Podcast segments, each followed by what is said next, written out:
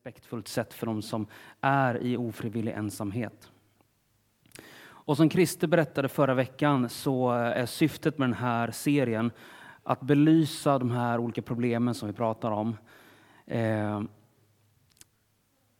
belysa problemen, hjälpa oss för, som församling och gemenskap att hitta ett förhållningssätt kring det här. Vad tänker vi som ena kyrkan om de här ämnena? Så idag då, vad tänker vi i ena kyrkan om ofrivillig ensamhet?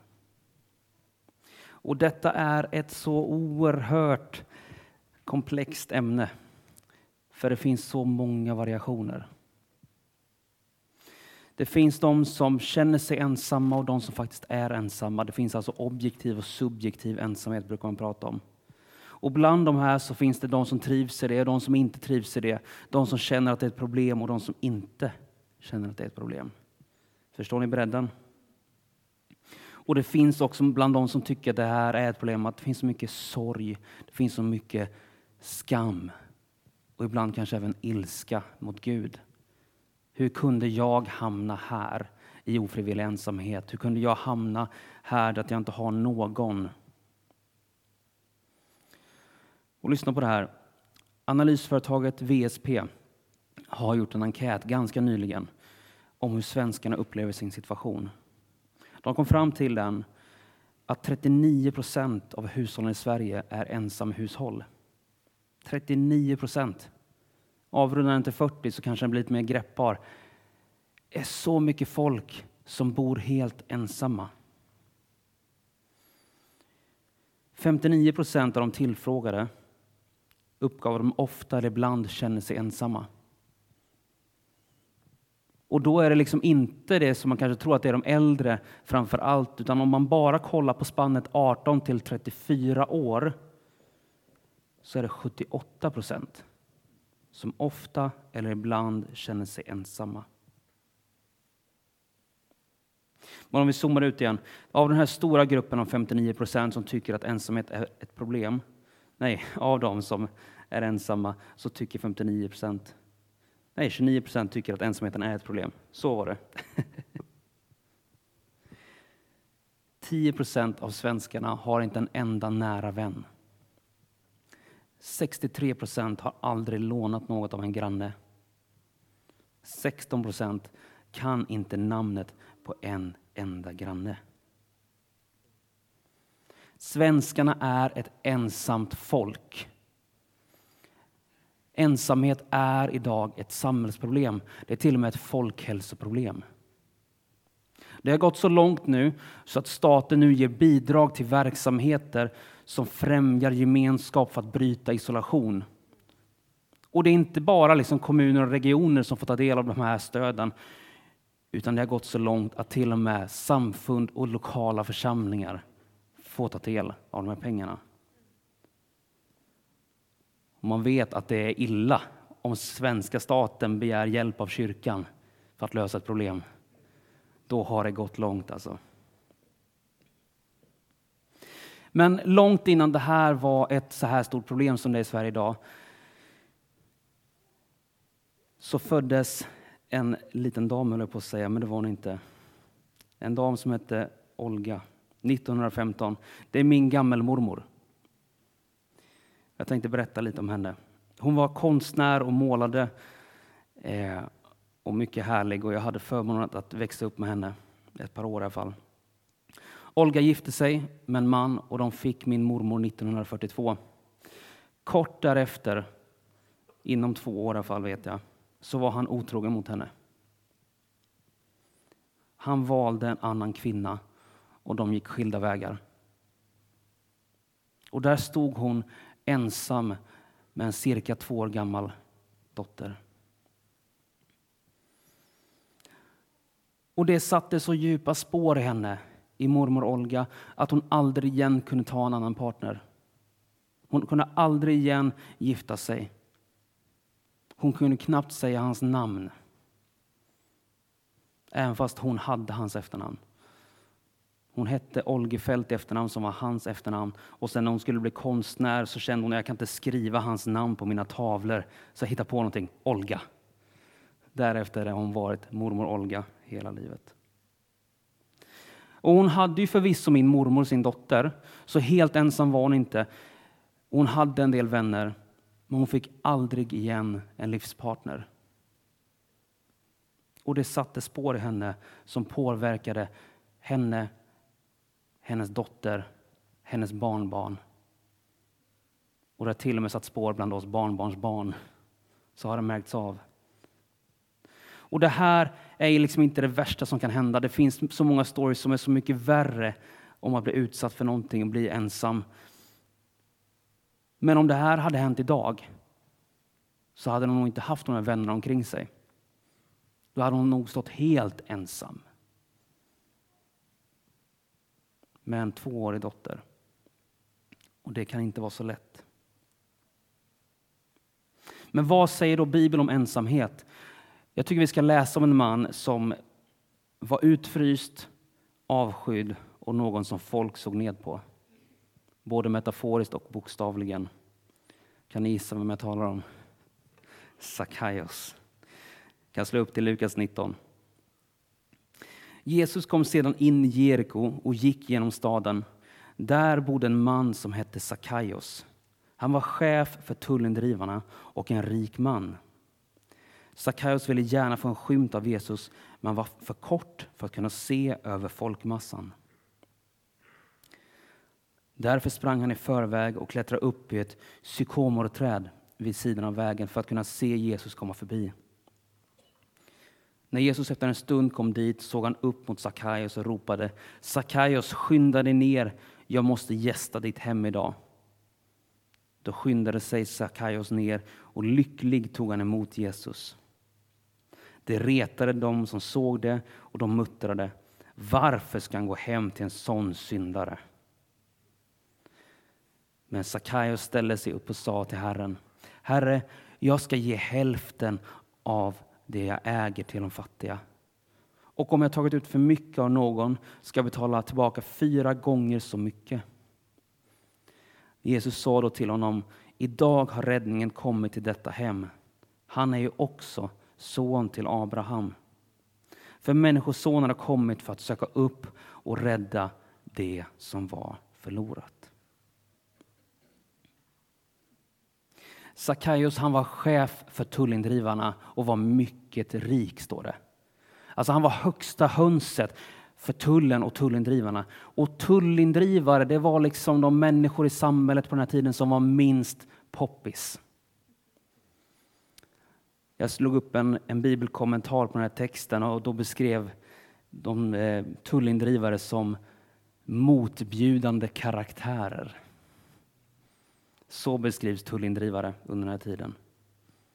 Och Det kan ju ha att göra liksom med att de drog in skatt till kejsaren liksom istället för att främja deras eget samhälle och att de tog pengar. Men avskydda var de i alla fall.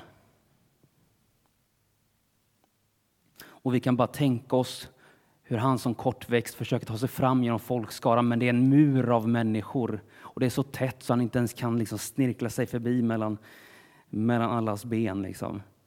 Det är en vägg av människor och han stängs ute från det som händer i stan. Han stängs ute från att se Jesus. Och om han hade varit en trevligare typ, om han inte hade varit tullindrivare, så hade de kanske släppt fram stackaren. Tänk liksom en kortväxt kille. Jag vet inte hur. Ja, han kan vara 1,50 var kortväxt kan man ju tycka, men han kanske var ännu kortare. Men det gjorde de inte. Han fick inte vara med, bestämde de sig för. För han var en sån där kille som bara brydde sig om pengar. En sån där som ingen ville gå hem till, en sån där som ingen ville luncha med, ingen ville prata med dem. Och när de var tvungna att prata med honom så handlade ju det om att han skulle ta deras pengar. Sackeus hade allt när det gäller pengar och förmögenhet. Men trots det hade han ingen. På grund av hans karriärval ville ingen ha med honom att göra. Vem skulle det kunna vara idag? Vem tänker du på? Vilken karriärval gör man för att hamna där? En workaholic, tänker jag. En arbetsnarkoman som bara jobbar, jobbar, jobbar, jobbar, maximera vinsten, jobba mer, tjäna mer. För pengarna är allting som betyder, är det enda som betyder någonting. Spontant så tänker jag att en, en, en eh, tullindrivare idag skulle kunna vara en börsmäklare. En skattemas, bankman eller någon som skapar sådana här bolag som fixar sms-lån. Är inte det dagens Sackaios eller? Som drar in pengar utan att bry sig om människor. På grund av hans karriärval så hamnar han i ensamhet. Ingen vill ha med honom att göra. Och jag tänker att denna berättelse är inte bara applicerbar på den typen av människor som jobbar med pengar, utan på varje person som på grund av sina karriärval är ofrivilligt ensamma. Som kanske inte vet hur de hamnade där de är, men som efter beslut efter beslut kommer längre bort från människor, blir mer och mer isolerade. Och det är inte alltid lätt att veta hur man hamnade där. Och sen har vi så många texter i Bibeln också som talar om änkan, den faderlöse och främlingen. Kan ni känna igen det? Jag tror det var någonting över hundra gånger i Bibeln nämns de här termerna. Alltså Bibeln tar upp hur man ska se på dem, vad vi ska göra med dem, hur ska vi behandla dem. Och bara termen änka kollar jag upp och bara det är ju en bild för människor som har förlorat någonting och som lever i tomhet. Det är så liksom ordet används för att visa på den typen av, av liv. Så vad säger då Bibeln? Andra Mosebok 22. Änkor och faderlösa ska ni inte behandla illa. Femte Mosebok 10. Han skaffar den faderlösa rätt faderlösa och änkan rätt, alltså Gud. Han älskar främlingen och ger honom mat och kläder. Förtryck inte änkan och den faderlösa, främlingen och den fattiga och tänk inte ut ont mot varandra i era hjärtan. Och en varning från Gud också i Malaki 3. Jag ska komma till er och hålla dom. Jag ska vara snabb att vittna mot trollkarlar och äktenskapsbrytare och de som svär falskt mot dem som vägrar arbetarens lön och förtrycker änkan och den faderlöse. Den som vränger rätten för främlingen och inte fruktar mig, säger Herren Sebaot.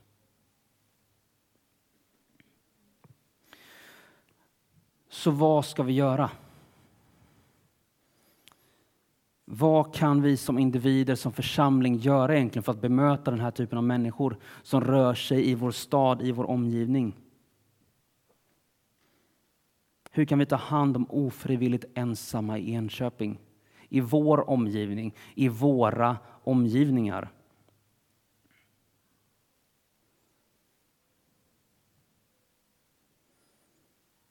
Då säger jag så här, för att citera Martin Luther.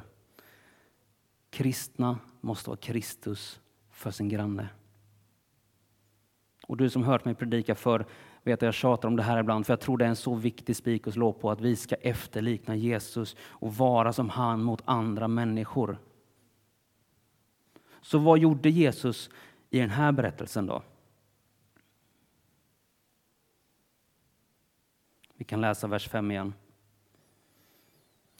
När Jesus efter en stund kom dit såg han upp mot Sackaios och ropade Sackaios, skynda dig ner, jag måste gästa ditt hem idag. Jesus såg honom. Han talade eller ropade på honom och han åt med honom. Han såg honom, han talade med honom, han åt med honom.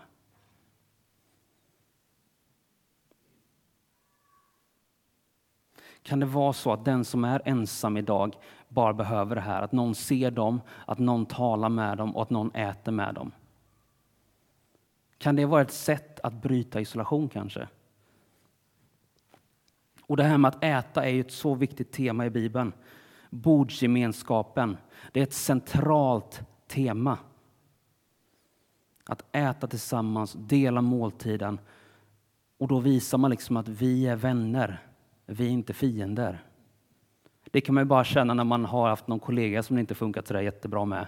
Och så tar man lunch tillsammans och så känner man bara wow, vi är vänner. Kan ni känna igen det? Nej, okej, okay, det är bara jag som har problem med mina kollegor alltså. Jag menar inte mina kollegor här i kyrkan. Jag har jobbat på fler ställen i ena kyrkan.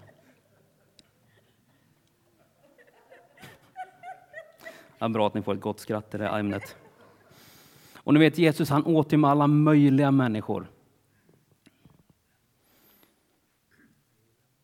Han åt med alla möjliga människor för att visa samhället, fariseerna, de skriftlärda, att de här människorna inte är fel. Och Jesus tog vid den sista måltiden så tog han en tjänares gestalt, en tjänares uppgift och tvättade lärjungarnas fötter. Måltiden kommer igen. liksom. Och det kanske man inte vill göra metafor, eller liksom rent eh, bokstavligen fysiskt, kanske inte man ska göra med alla sina kollegor, men kanske metaforiskt. Att ta hand om det som är svårast och smutsigast i en annan människas liv. Och det kanske inte heller ska göra med alla dina vänner, kollegor och människor omkring dig, men de som anförtror sig till dig. De som ser att du vill vara Kristus för dem. Att lyssna till dem. Att hjälpa dem. Att metaforiskt tvätta deras fötter.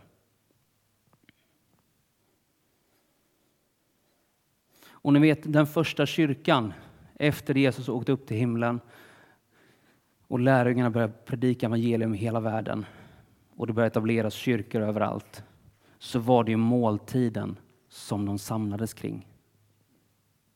Det var måltiden som de första kyrkorna samlades kring. Inte runt en scen som vi har här, inte sånt här anförande som jag, en predikan som jag håller nu, inte heller musiken på scenen. De samlades runt matbordet för att dela måltid med varandra. Över generationsgränser, över klassgränser. Judar, greker, slavar, fria. De tog med sig av det de hade. En del hade jättemycket, en del hade nästan ingenting. Men så kom de samman och delade den måltiden. Och på så sätt fick ju också alla mat. Även de som inte hade någonting. Ett annat sätt att liksom applicera tionde principen på helt enkelt. Så den första kyrkan grundades kring knytkalas. Kan ni känna hur bibliska vi är i ena kyrkan då, vi som älskar att ha knytkalas? Kristna måste vara Kristus för sin granne. Att efterlikna Jesus och behandla människor som Jesus gjorde.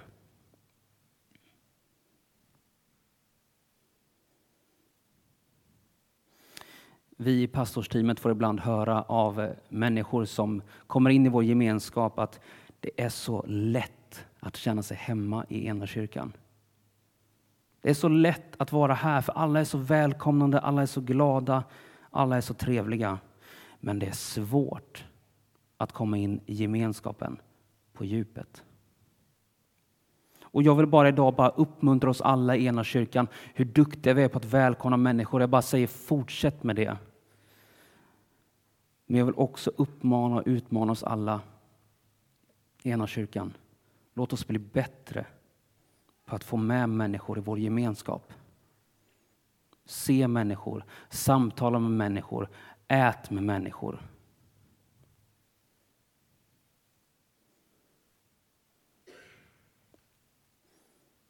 Och vad kan vi göra då som större, liksom som organisation, som förening egentligen? Jag kan ju bara berätta lite av det vi redan gör. Vi är ju huvudmän för hela människan som har liksom ett härberge här borta där man kan få samtala med någon, få en plats att sova och få mat. Och där vår alldeles egna Peter Ulveström är föreståndare. Och där jag tror till och med att man kan få vara volontär om man vill. Det är jag inte helt hundra på, men ja, det går jättebra tydligen. Så om du känner liksom, ah, men jag vill hjälpa folk som är utsatta, snacka med Peter. Hjälp några utsatta. Men det är för de absolut mest utsatta. För de som kanske inte kommit så långt än i sin utsatthet så har vi börjat med någonting den här terminen tror jag som heter Kompassens vardagsrum i samarbete med vårt eget bolag Kompassen. Där man liksom mitt i veckan har en öppen gemenskap här ute i loungen och där man får prata med någon, spela ett spel, ta en kaffe. Se. Tala med. Äta en kaffe med. Dricka en kaffe. Varje onsdag klockan 13.30 till 15. Förutom den andra onsdagen i månaden. Så om du känner någon som är ensam, som känner att de behöver fler människor i sitt liv, ta med dem hit. Eller skicka dem hit. Det liksom sitter alltid folk här. Det finns platser för att få gemenskap.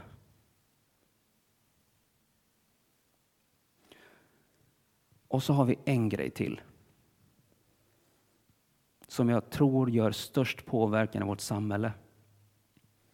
För det är så otroligt utbrett i hela Sverige. Och det är det vi gör nu. Vi har gudstjänst. Och då tänker du kanske, ja men det är inte så märkvärdigt, gudstjänst har vi alltid, varenda vecka, alla år. Men jo, det är det. För den som är utanför kyrkan så är den här samlingen helt unik.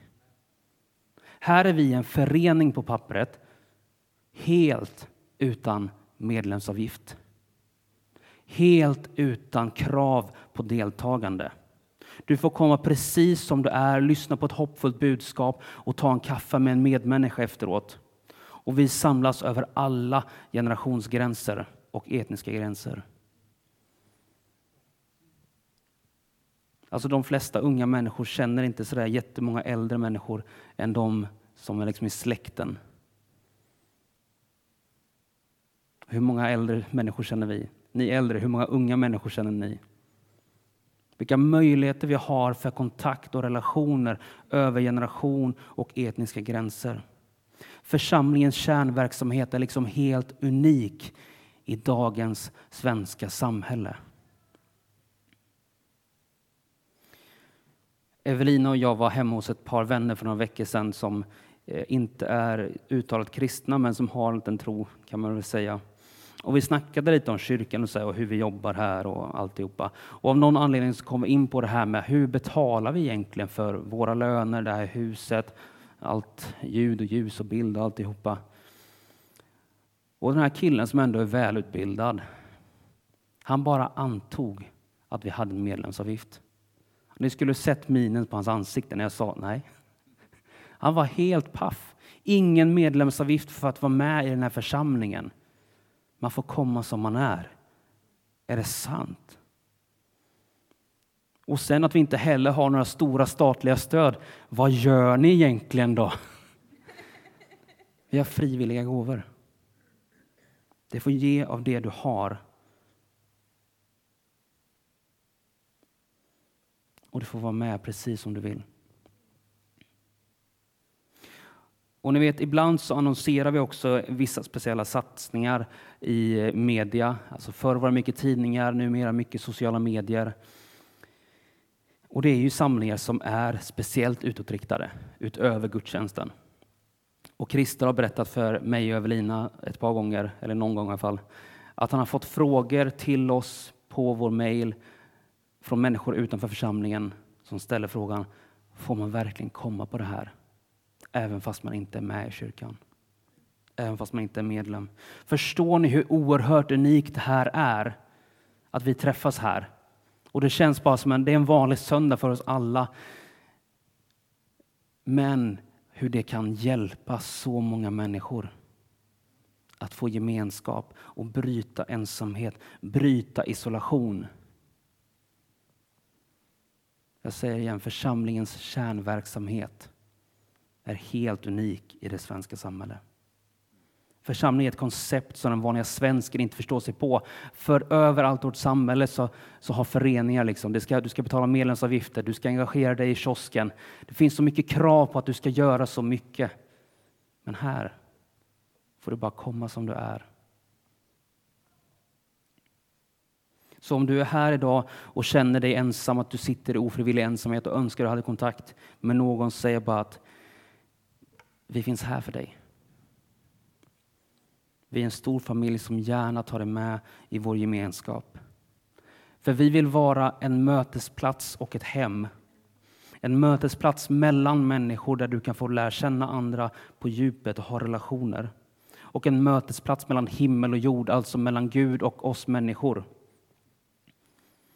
Och vi vill vara ett hem där du får vara dig själv och där du får växa som person och vara trygg. Du är välkommen i vår gemenskap.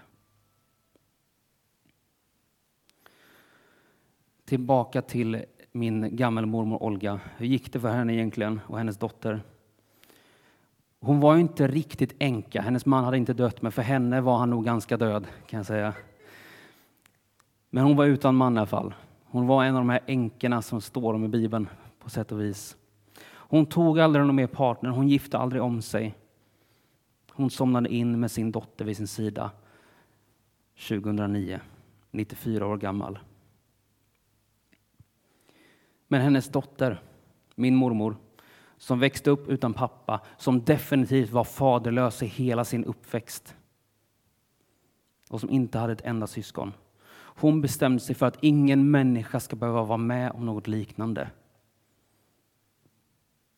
Så hon och hennes man, min morfar Daniel, de börjar med att skaffa sig fyra barn. Och alla deras barn skaffade sig tre barn, så vi är tolv kusiner totalt. Och inte nöjer de sig med sina fyra barn, utan de öppnar upp sitt hem för att ta emot fosterbarn.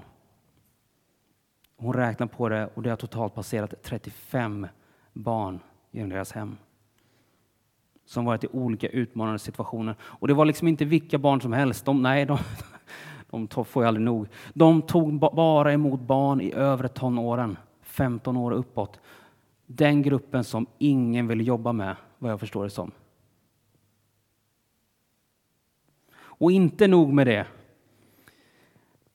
De tillsammans med ett par vänner köpte och rustade upp ett stort hyreshus mitt i Linköping och tog emot människor där som hade det svårt. Dels före detta fosterbarn som blivit myndiga, missbrukare, människor som inte ens SOS ville betala för. De tog de emot och gav ett hem, fick en egen lägenhet. Och de kallade det för Frihetens hus.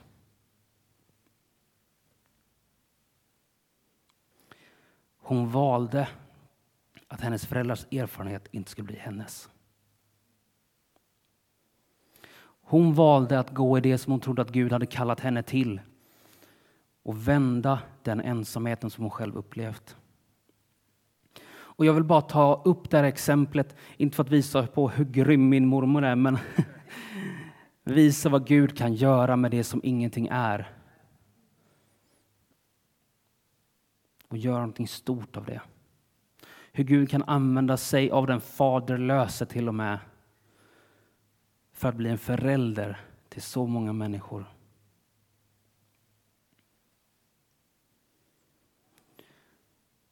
Och du som sitter här idag i ofrivillig ensamhet så vill jag också säga att din berättelse är inte över. Det är inte slut. Ditt liv är inte över. Det finns hopp och det finns människor runt dig just nu som vill lära känna dig.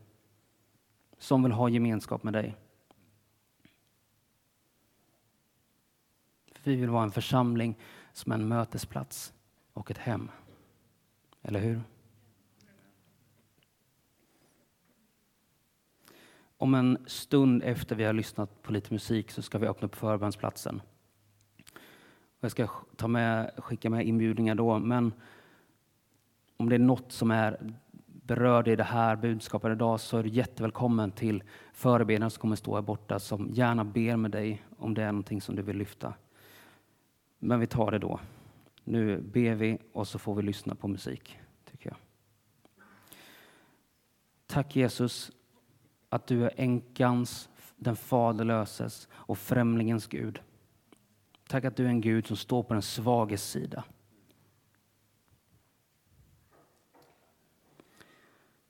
Tack att du aldrig lämnar oss. Tack att du aldrig sviker oss.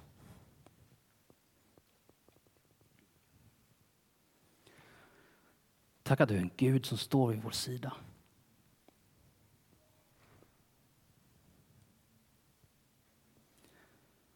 Genom varje utmaning, genom varje prövning, genom varje eld vi går igenom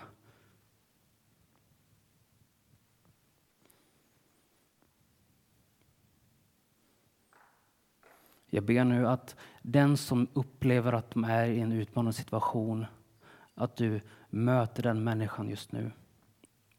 Att du uppenbarar dig för den människan just nu. Att du visar på din godhet, ger en klapp på axeln och säger jag är med dig genom allt.